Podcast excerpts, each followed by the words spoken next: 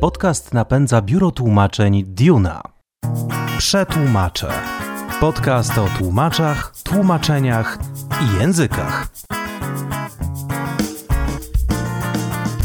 Witajcie, zapraszam na kolejny odcinek podcastu Przetłumaczę o tłumaczach, tłumaczeniach i językach. Dzisiaj rozmawiamy z wyjątkowym gościem, który znany jest ze swoich tłumaczeń i konsultacji językowych przede wszystkim dla teatrów muzycznych w całej Polsce, ale nie tylko. Michał Wojnarowski o sobie mówi bardzo skromnie. Natomiast jeżeli prześledzimy jego karierę, to teksty piosenek, które przetłumaczył, ilość muzykali, które opracował e, i wreszcie dialogi do filmów, to naprawdę ogromna lista dokonań. Oprócz tego Michał Wojnarowski tłumaczył także komiksy i współpracował przy stworzeniu audiobooka na podstawie komiksu. No ale nie będę Wam wszystkiego opowiadał na samym początku, posłuchajcie naszego wyjątkowego gościa. Michał Wojnarowski, tłumacz, kierownik literacki Teatru Muzycznego Roma. Nie tylko jest pan e, współpracownikiem teatrów muzycznych i teatrów rozrywki, nie tylko otrzymał pan złotą płytę za e, teksty do musicalu Piloci, ale z tego co wiem, i tu proszę mnie poprawić, e, czy to prawda, czy nie, jest pan także takim językowym aniołem stróżem, jeżeli chodzi właśnie o teatry muzyczne, a przede wszystkim Romę. No myślę, że kierownik, kierownik literacki w każdym teatrze jest takim, takim aniołem stróżem, który stara się, stara się pilnować tego, co, co się dzieje w teatrze, jeżeli chodzi o tę stronę e, literacką, o różnego rodzaju drukowane materiały, programy itd., tak itd. Tak no a teraz też przede wszystkim, jeżeli chodzi o, e, o wszelkiego rodzaju social media, że tak nie po polsku e, powiem, czyli media, media społecznościowe, e, bo to jest też e, element bardzo dużej, bardzo dużej aktywności naszej i chyba każdego teatru. A zwłaszcza, zwłaszcza teraz, kiedy od kilku, kilku tygodni teatry są, teatry są zamknięte, no i pozostała nam aktywność tak naprawdę chyba tylko online i, i w internecie. Więc to też jest, to też jest taki element, mm, element pracy kierownika literackiego, a poza tym przeglądanie, sprawdzanie, czytanie różnego rodzaju tekstów, materiałów, e, również e, tekstów literackich, które do, do teatru e, przychodzą. Ogólnie mówiąc, żeby wiedzieć, co się dzieje. Proszę powiedzieć, nasz akurat podcast zajmuje się branżą tłumaczeniową, ale bardzo lubimy robić sobie wycieczki dookoła. Pana pole tłumaczeniowe jest wyjątkowe, ponieważ między innymi tłumaczył pan teksty musicali. Także tych, które były na scenach Romy, e, Teatr Dramatyczny w Warszawie, Teatru Rozrywki w Chorzowie, w Kapitolu, a więc naprawdę wiele produkcji w różnych miejscach. Chciałbym zapytać, jak wygląda praca przy tłumaczeniu musicalu scenicznego? Wydaje mi się, że to musi być ogromnie trudne wyzwanie, kiedy do tekstu, nad którym pan pracuje, do tego, e, jak trzeba przełożyć e, znaczenia, metafory, dochodzi także rytm i melodia. To rzeczywiście jest taka, taka trochę nisza, jeżeli chodzi o tłumaczenia, e, bo niewiele jest, niewiele jest w Polsce osób, które się zajmują, zajmują tłumaczeniami musicali. No jest to pewnego rodzaju dodatkowe wyzwanie co mam na myśli mówiąc, mówiąc dodatkowe? No, to, że każde tłumaczenie jest, jest wyzwaniem, bo trzeba przy zachowaniu wierności, wierności oryginałowi, oryginalnemu tekstowi starać się przekazać to, co autor czy autorzy chcieli powiedzieć po polsku. No to tutaj jeszcze dochodzi właśnie ten, ten element, jeżeli chodzi o piosenki, dopasowania się do, do muzyki, która już przecież istnieje, czyli, czyli w zdaniu trzeba zachować e, rytm, trzeba zachować jakiś określony układ sylab, no bo w muzyce niektóre, niektóre nuty we frazie są akcentowane, inne nie są. E, no i jeszcze wypadałoby to wszystko jakoś e, zrymować, tak jak, tak jak w oryginale. Więc to jest taka, taka układanka, taka łamigłówka. E, to jest w ogóle to, co, co mnie chyba na, na samym początku, dawno, dawno temu pociągnęło bardzo w tłumaczeniach, w tłumaczeniach piosenek, że to jest takie ćwiczenie dla umysłu, kiedy trzeba sobie te różne fragmenty puzli do siebie dopasować, tak żeby z tego wyszedł sensowny obrazek.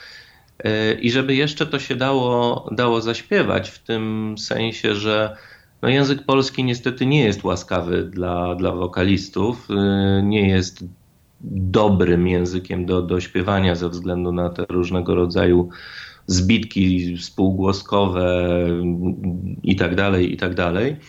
Więc to wszystko wypadałoby, wypadałoby przy tym tłumaczeniu piosenki, musicalu e, uwzględnić. No i dlatego jest to może troszkę jeszcze trudniejsze niż, e, niż zwykłe tłumaczenie, które samo w sobie już nie jest, nie jest łatwe, więc tu trzeba się zmierzyć jeszcze z tą, z tą dodatkową e, warstwą. Ale tak jak powiedziałem, to jest nisza rzeczywiście, jeżeli chodzi o tłumaczenia. No inna sprawa też, że nie mamy tak bardzo dużo teatrów musicalowych w Polsce jak teatrów dramatycznych. E, chociaż ten rynek rzeczywiście się w ostatnich, w ostatnich latach rozbudowuje, rośnie coraz więcej teatrów sięga po muzykale. E, padła nazwa teatru dramatycznego chociażby i, i faktem jest, że od kilku lat tam też się pojawiają spektakle muzykalowe, więc to, więc to rośnie i może, może coraz więcej osób się też będzie tym e, zajmowało, chociaż no, najłatwiejsze to rzeczywiście chyba nie jest. Mówi pan, że jest to nisza, z drugiej strony ja osobiście wiem o 10 musicalach, które pan przetłumaczył. To jest bardzo dużo. To świadczy o tym, że zapotrzebowanie jakieś chyba musi być. Proszę powiedzieć, który z tych musicali um, był jakby dla pana największym wyzwaniem? Czy to się da w ogóle da określić, bo to są bardzo różne spektakle. I Billy Elliot, i Aida, e, i Doris Day, Wesołe Kumoszki. To za każdym razem jest inny tekst, za każdym razem jest e, zupełnie inna historia. Czy którykolwiek z tych tekstów był szczególnym dla Pana wyzwaniem? To chyba rzeczywiście jest trudno sklasyfikować w, w ten sposób. E, ja mogę tylko powiedzieć, e, że dosyć dużym, dosyć dużym wyzwaniem był e, Billy Elliot. I dosyć dużym wyzwaniem była, może nawet jeszcze większym, była właśnie Aida, ze względu na to, że do Aidy teksty napisał e, Tim Rice, a to jest człowiek, który na teatrze muzycznym, angielskim, amerykańskim, e, no, zjadł zęby, bo on pisał teksty do takich fantastycznych e, tytułów spektakli jak Józef i cudowny płaszcz snów w technikolorze, jak Jesus Christ Superstar, Evita i tak dalej, i tak dalej. W związku z tym on ma te teksty bardzo, bardzo poetyckie z jednej strony, a z drugiej strony one doskonale się wpisują w akcję, w fabułę, w klimat spektaklu, więc inaczej ujmując, z jednej strony świetnie funkcjonują w e, musicalu, w ciągu fabularnym całym, ale z drugiej strony mogą też być e, doskonale odbierane i są doskonale odbierane jako samodzielne, samodzielne utwory, więc tutaj chyba taka trudność polegała na tym, żeby też spróbować to tak napisać po polsku, żeby to funkcjonowało i tak, e, i tak. Zresztą celowo, celowo powiedziałem napisać po polsku, bo z tłumaczeniami piosenek e, jest chyba tak, że to trochę jest pisanie od, od nowa. Nie zawsze da się, da się to przetłumaczyć e, jeden do jednego, a może powinienem powiedzieć, że bardzo rzadko się daje to przetłumaczyć e, jeden do jednego, więc trzeba też się posłużyć trochę swoją, swoją wyobraźnią, swoją wrażliwością, żeby ten tekst blisko oryginału, ale bardzo często właśnie stworzyć od, od nowa. Też ciekawym takim ciekawym tytułem był, mm, był taki musical Wesołe Kumoszki, grany w, już parę lat temu ładnych w Teatrze Rozrywki w Chorzowie, bo on był oparty na, na tekstach, oczywiście na tekstach, na tekście Szekspira. I o ile dialogi były niemal żywcem wzięte z e, Szekspira, to piosenki, których było dosyć dużo, już w tej chwili nie pamiętam ile, ale, ale naprawdę sporo, e, były stylizowane na ten, na ten szekspirowski stary stary język, więc to też była jakaś, jakaś tam trudność, żeby w tym klimacie, w tym duchu i w tej, w tej atmosferze też w piosenkach się utrzymać. Rzeczywiście brzmi to jak dosyć skomplikowane wyzwanie, ale y, chciałbym pana przysłowiowo pociągnąć za język a propos tego pisania od nowa. Mierzy się pan także z ponoć najtrudniejszymi rzeczami do przetłumaczenia, a mianowicie tekstami piosenek dla dzieci. Tutaj piję przede wszystkim do animacji dla dzieci, czy filmów z wytwórni Disneya, które wychowują kolejne, kolejne pokolenia młodych odbiorców i kolejne pokolenia młodych odbiorców śpiewają piosenki z tych filmów, bo piosenki z filmów e, z wytwórni Disneya to zawsze był znak rozpoznawczy tego rodzaju kina. E, no i tutaj nie da się nie zapytać pana o piosenkę do Krainy Lodu, o Mam tę moc, która e, w wersji polskiej okazała się równie nośna i równie wpływowa i równie popularna wśród E, dzieciaków, jak ta z wersji amerykańskiej. Widać to choćby po wersjach, które cały czas powstają na YouTubie, czy e, po konkursach młodych talentów, gdzie dzieciaki e, śpiewają właśnie ten utwór. Pan tak naprawdę napisał nowy tekst do tej piosenki. No właśnie, i teraz i teraz muszę się z tego tłumaczyć, tak, a propos, a propos tłumaczeń właśnie. Bo to w ogóle jest fantastyczne uczucie, jak się, jak się widzi, słyszy dzieciaki, młodzież, które te piosenki y, śpiewają, czy to właśnie na, na, na YouTubie, czy, czy na jakichś konkursach, koncertach i tak dalej, i tak dalej. E, no to jest bardzo fajne, bardzo miłe, bardzo sympatyczne. A co do samego, co do samego tłumaczenia, E, tam powstało po drodze chyba z, nie wiem, z 8, z 10 wersji różnego, różnego rodzaju. Chodziło głównie o przełożenie tego, tego szlagwortu, e, który po angielsku, po angielsku brzmi Let It Go. E, no a po polsku właśnie stanęło na Mam tę mam te moc.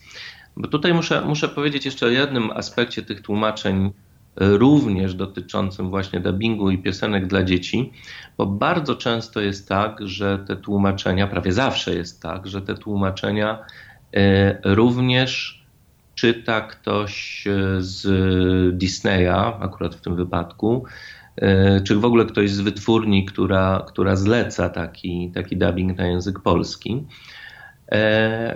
I czasami są różnego rodzaju uwagi i, i, i sugestie.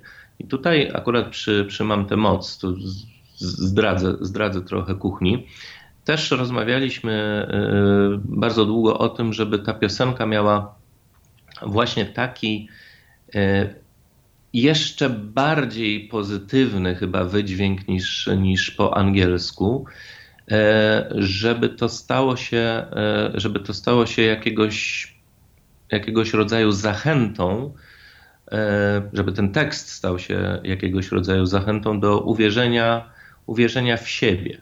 Może mniej to, mniej to wynika w danym momencie z fabuły, ale właśnie tutaj jest ta kwestia, o której już wspomniałem wcześniej. Ta piosenka, tak jak wiele innych piosenek Disneya, znakomicie może i powinna funkcjonować właśnie poza filmem. Czyli jeszcze raz, z jednej strony to jest kwestia wpisania się w fabułę, E, w ciąg wydarzeń w filmie, czy w musicalu, gdziekolwiek tak naprawdę. A z drugiej strony świadomość tego, że to właśnie potem pójdzie gdzieś w świat tylko i wyłącznie jako, jako piosenka samodzielna, a już niekoniecznie jako element, mm, element filmu. E, zresztą teraz niedawno się pokazała w kinach Kraina Lodu 2, E, I tam, tam też mieliśmy bardzo dużo, bardzo dużo dyskusji e, na temat, na temat tego, jak ta główna, główna piosenka, e, która ostatecznie po polsku się nazywa Chcę uwierzyć snom, która była śpiewana na, na Oscarach między innymi przez Kasię Łaską, jak ona powinna, powinna brzmieć. Także ten, ten element dyskusji, uwag, sugestii z nazwijmy to brzydko, z zamawiającym, e, też jest, też jest bardzo ważny. Zresztą w ogóle wydaje mi się, że czasami tłumacz może się za bardzo przywiązać do jakiejś tam swojej wersji i bardzo przydatne jest takie świeże, świeże oko, e, ktoś, kto spojrzy na to jakby na nowo To i właśnie może coś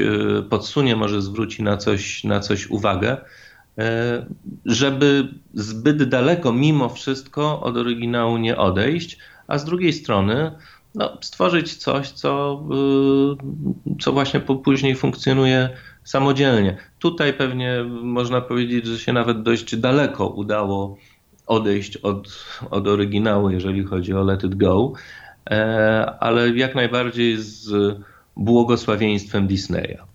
A nad czym panu się przyjemniej pracuje? Jeżeli chodzi o e, przyjemność z pracy tłumaczenia, czy nad tekstami piosenek, czy nad e, dialogami polskimi, bo jest pan także autorem E, tłumaczeń dialogów i to naprawdę jest bardzo długa lista filmów. To są chyba dwie, dwie zupełnie, zupełnie różne, różne rzeczy. Tłumaczenie, tłumaczenie dialogów jest, jest chyba troszkę łatwiejsze, jeżeli chodzi o, o tłumaczenie do dubbingu, chociaż tam też trzeba, trzeba zwracać uwagę na różnego rodzaju sprawy techniczne, powiedzmy czyli właśnie przede wszystkim synchron, długość e, zdania e, i tym podobne. Mm, ale bardzo się cieszę, że mam taką możliwość, żeby pracować i nad tym, i, i nad tym, czyli i nad piosenkami, i nad y, dialogami, bo taki, taka, taka zmiana, taka odskocznia raz to, raz to, to jest bardzo dobra, y, bardzo dobra rzecz, wydaje mi się. E, a poza tym też chyba się coraz więcej dubbinguje w Polsce filmów dla, dla dorosłych i tu jest, e, tu jest jeszcze, jeszcze inaczej, bo tutaj można e, poszaleć czasem sobie, nawet bardziej niż, niż w animacji. I co ciekawe, też niektórzy dystrybutorzy pozwalają na używanie, na używanie słów no, wulgarnych, różnego rodzaju wulgaryzmów, takich jak jak w oryginale. Nie stosują takiej, no chyba czasem mało zrozumiałej cenzury. E, I to jest bardzo, bardzo fajne. Oczywiście w piosenkach dla dzieci w Disneyu nie ma o tym, nie ma o tym mowy, ale jeżeli, jeżeli mówimy o takim filmie jak Deadpool, e, dwójka, który jakiś czas temu tłumaczyłem, no to tam, jak e, sobie mówiliśmy w studiu nagraniowym, jest na bogato, jeżeli o to o to chodzi. No tak, rzeczywiście. Ale jeszcze na chwilkę chciałem wrócić, e, a właściwie pozostać przy tym e, tłumaczeniu właśnie języka popkultury filmowej i muzycznej. W ubiegłym roku podczas konferencji tłumaczy przemawiał pan na otwarciu. I tytuł pańskiego wystąpienia to Tłumaczu masz tę moc, czyli wyobraźnia, a ograniczenia w przekładzie. I to jest moje pytanie. O jakich ograniczeniach Pan wspominał? Z jakimi e, takimi przeszkodami trzeba się borykać? No, ponieważ, ponieważ na tej konferencji były osoby, byli tłumacze e, z różnych dziedzin. Z jednej strony tłumacze przysięgli, z drugiej techniczni, ja oczywiście wypowiadałem się tylko o tej, o tej części tłumaczeń, która mnie osobiście z, doświadczenia jest znana, czyli właśnie tłumaczenia filmowe, tłumaczenia, e, tłumaczenia piosenek. Nie śmiałbym mówić o, o, o niczym innym. E, no i tam właśnie te ograniczenia to są przede wszystkim te, te ograniczenia techniczne związane choćby z tym, o czym, o czym mówiliśmy, czyli z koniecznością dopasowania polskiego zdania do, do frazy muzycznej, która, która już istnieje. I, a z drugiej strony, a z drugiej strony, no to jest ten obszar tłumaczeń, którym ja się zajmuję, który właśnie pozwala na większą kreatywność w pewnym sensie, na pewnego rodzaju właśnie odejście od oryginału, e, niż no, tłumaczenia choćby właśnie techniczne, czy już nie mówię o tłumaczeniach E, przysięgłych, stąd też był ten pomysł na tytuł, że tłumaczu masz tę e, masz moc. Ale tam, gdzie liczy się, tak mi się przynajmniej wydaje, tam, gdzie liczy się wierność w przekładzie, e, no to też ogromnie dużo od tłumacza zależy, bo wyobraźmy sobie no, kiepskiego tłumacza przysięgłego, o ile tacy są który zniekształca, deformuje jakieś e, dokumenty prawne, jakieś e, umowy i tak dalej.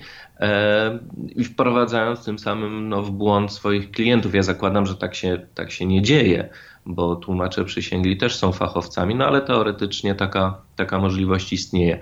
Natomiast no, z mojej strony takiego niebezpieczeństwa na szczęście nie ma, no ale jest niebezpieczeństwo takie jak, jak wszędzie przy każdym tłumaczeniu, czyli właśnie odejścia od oryginału, czy zbyt dalekiego odejścia od, od oryginału. Ja dlatego zawsze, zawsze lubię mieć trochę czasu na te, na te przekłady, żeby gotowy tekst móc odłożyć na tydzień, na, na dwa, e, chociaż to już jest wtedy luksusowa sytuacja, e, nie myśleć o nim przez jakiś czas i spojrzeć na to na, na świeżo i wtedy się, wtedy się może czasem przerazić, że to trzeba chyba bardzo jeszcze poprawić, bo, bo, bo bywa, bywa i tak, a to, to też wynika z, z tego, że generalnie chyba tłumacze mają coraz mniej czasu w tej chwili na, na różnego rodzaju tłumaczenia, no bo jakoś, jakoś to, to, to okienko czasowe się, się skraca. Ja pamiętam dawno, dawno, dawno temu na tłumaczenie filmu typu,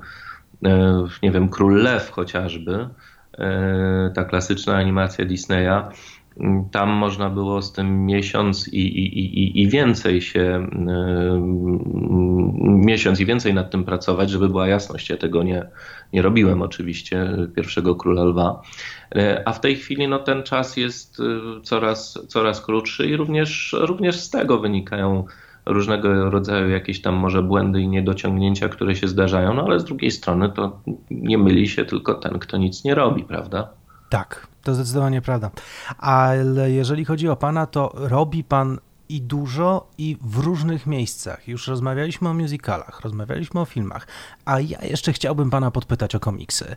E, ze względu na to, że komiks Gigant to w Polsce jest instytucja, już nie mówiąc o Kaczorze Donaldzie, i z oboma tymi tytułami e, miał pan bardzo długie doświadczenia. W związku z tym chciałbym zapytać, e, jak wspomina pan pracę nad Gigantem? Bo to naprawdę jest komiks instytucja wśród kiedyś mniejszych, a dzisiaj także i bardzo dorosłych czytelników. No, faktem, faktem jest, że miałem tę miałem te przyjemność dawno, dawno, dawno temu, bo to były lata, e, lata 90., druga połowa lat e, 90., kiedy te tytuły wchodziły na, na polski rynek.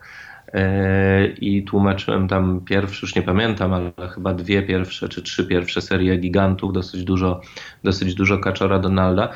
To była fantastyczna, fantastyczna rzecz, bo tak naprawdę to były jeszcze to były te czasy, kiedy to było mniej znane, powiedzmy, w Polsce, jeżeli chodzi przynajmniej o, o tę formę e, komiksową i o te, o te historie, które się tam e, znajdowały.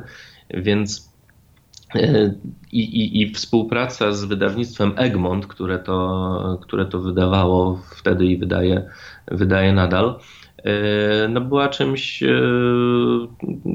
czymś cudownym.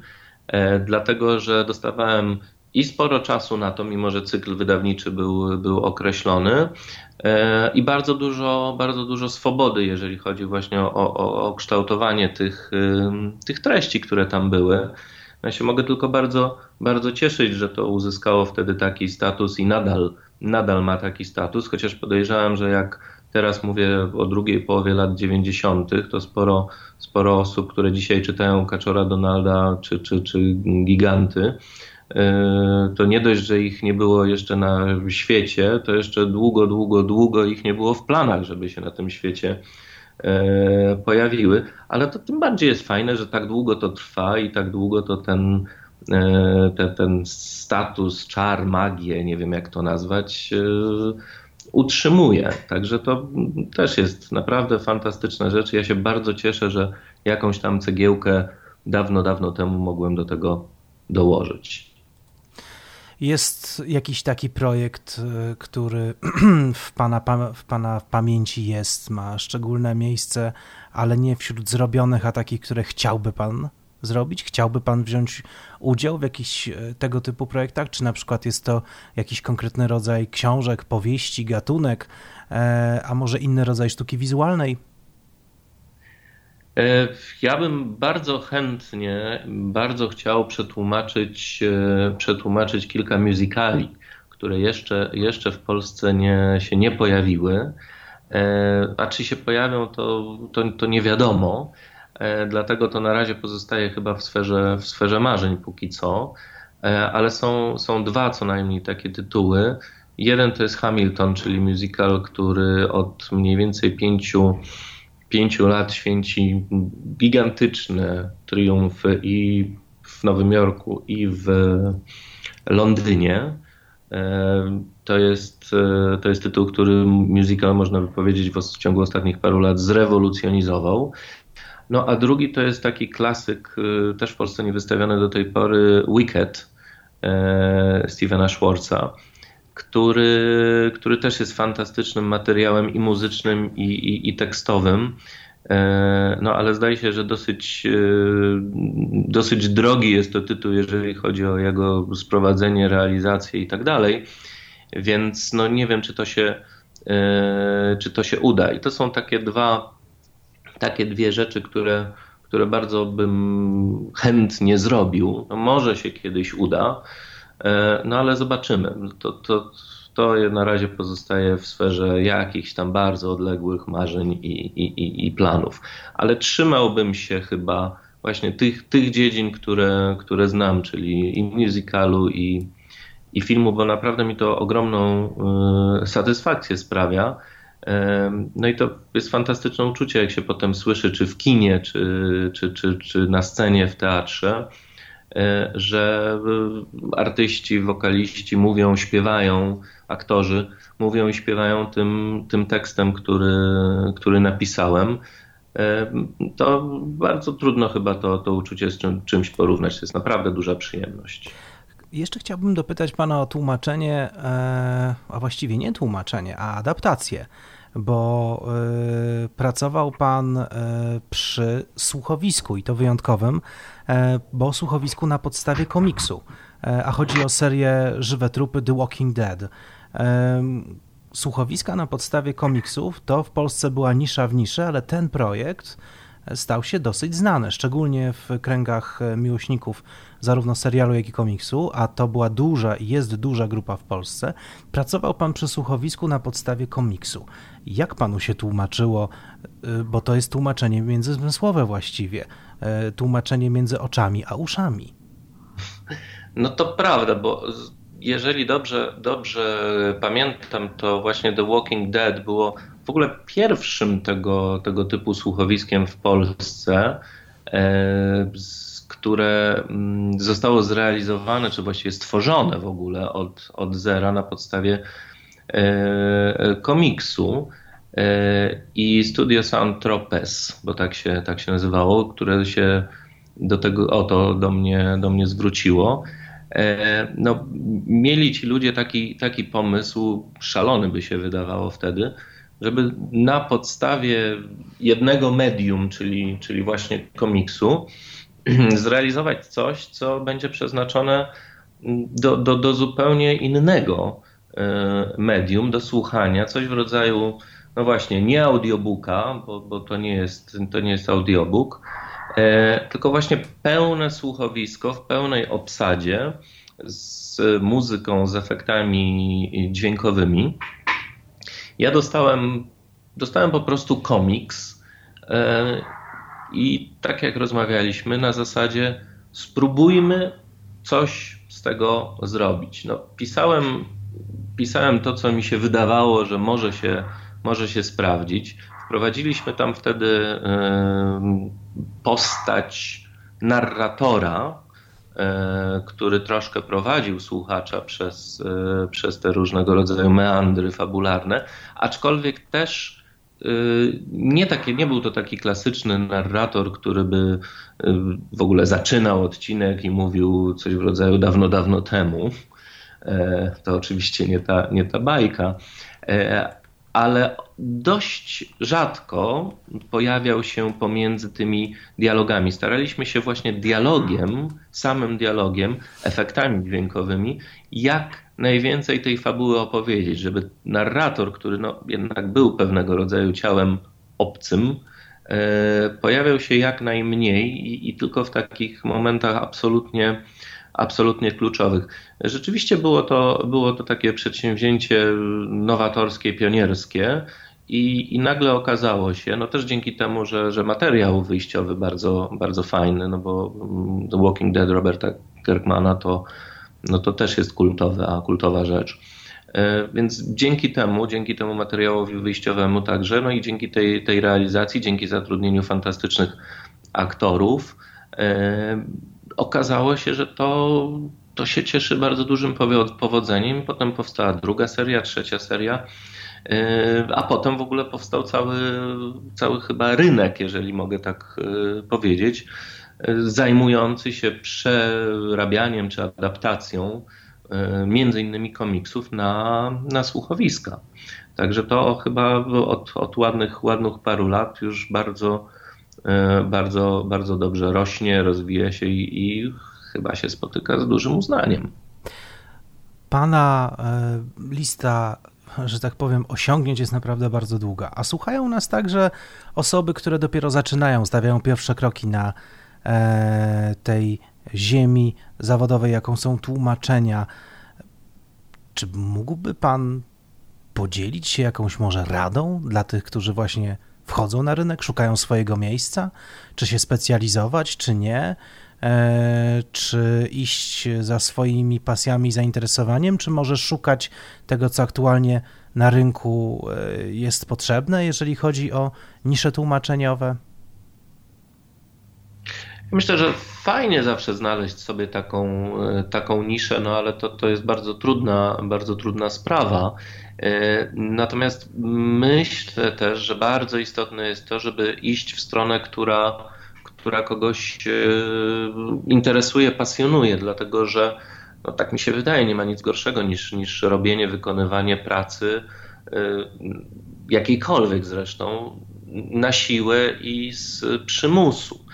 E, jeżeli chodzi o, o tłumaczenia, to myślę, że wbrew pozorom znajomość języka obcego oczywiście wiadomo, że jest konieczna, ale niekoniecznie w stopniu idealnym.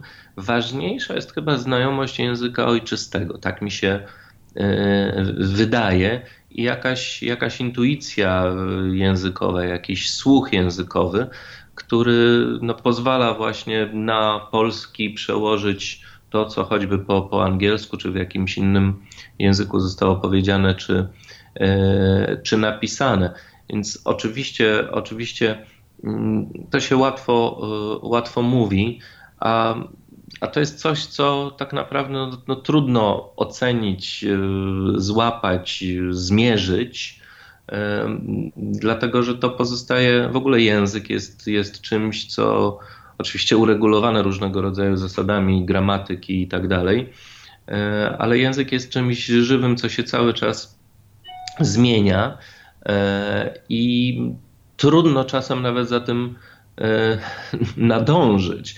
Natomiast jeżeli ktoś by, jeżeli ktoś by chciał się zajmować tłumaczeniami, no to cóż ja mogę powiedzieć? No chyba tylko to, żeby się zajmował tak naprawdę tymi tłumaczeniami, które go pasjonują. To jest praca, która wymaga przede wszystkim bardzo dużo cierpliwości, zwłaszcza jeżeli się tłumaczy jakieś dłuższe teksty czy, czy, czy książki. Ja żadnej długiej książki nie, nie, nie, nie przełożyłem, nie przetłumaczyłem, więc, ale tak to, sobie, tak to sobie wyobrażam. Yy, no więc yy, trudno trudno by to było robić, jeżeli się tego nie lubi. Poza tym to jest praca, która, e, która wymaga dość dużej samodyscypliny, bo tłumaczenia siłą rzeczy są zawsze wykonywane w pewnym sensie w samotności. Oczywiście potem różnego rodzaju dyskusje z, czy, czy z reżyserem dubbingu, czy właśnie z, z kimś z wytwórni filmowej, kto te teksty czyta, sprawdza, zawsze się to odbywa. E, no ale 90 albo więcej procent e, tej pracy wykonuje się, wykonuje się w sumie e, samemu, więc też trzeba, trzeba o tym pamiętać, że to jest praca, która, która wymaga w związku z tym dość dużo samodyscypliny i narzuc narzucenia sobie pewnego, pewnego reżimu, a nie odkładania na przykład rzeczy na, na później. Nie wiem, czy to są, czy to są y, y, rady, które, które komuś bardzo dużo pomogą, jeżeli nawet choć troszeczkę pomogą i, i, i pomogą zastanowić się nad różnymi aspektami tego, tego zawodu, no to, to bardzo dobrze, to super, to cieszę się. Ja za nie panu bardzo dziękuję, a także za całą naszą rozmowę i mam nadzieję, że to nie ostatnia i że będę jeszcze pana miał okazję złapać przy okazji kolejnych ciekawych projektów, czy to na scenie musicalowej, czy to na srebrnym ekranie. Bardzo serdecznie panu dziękuję. Ja też bardzo dziękuję.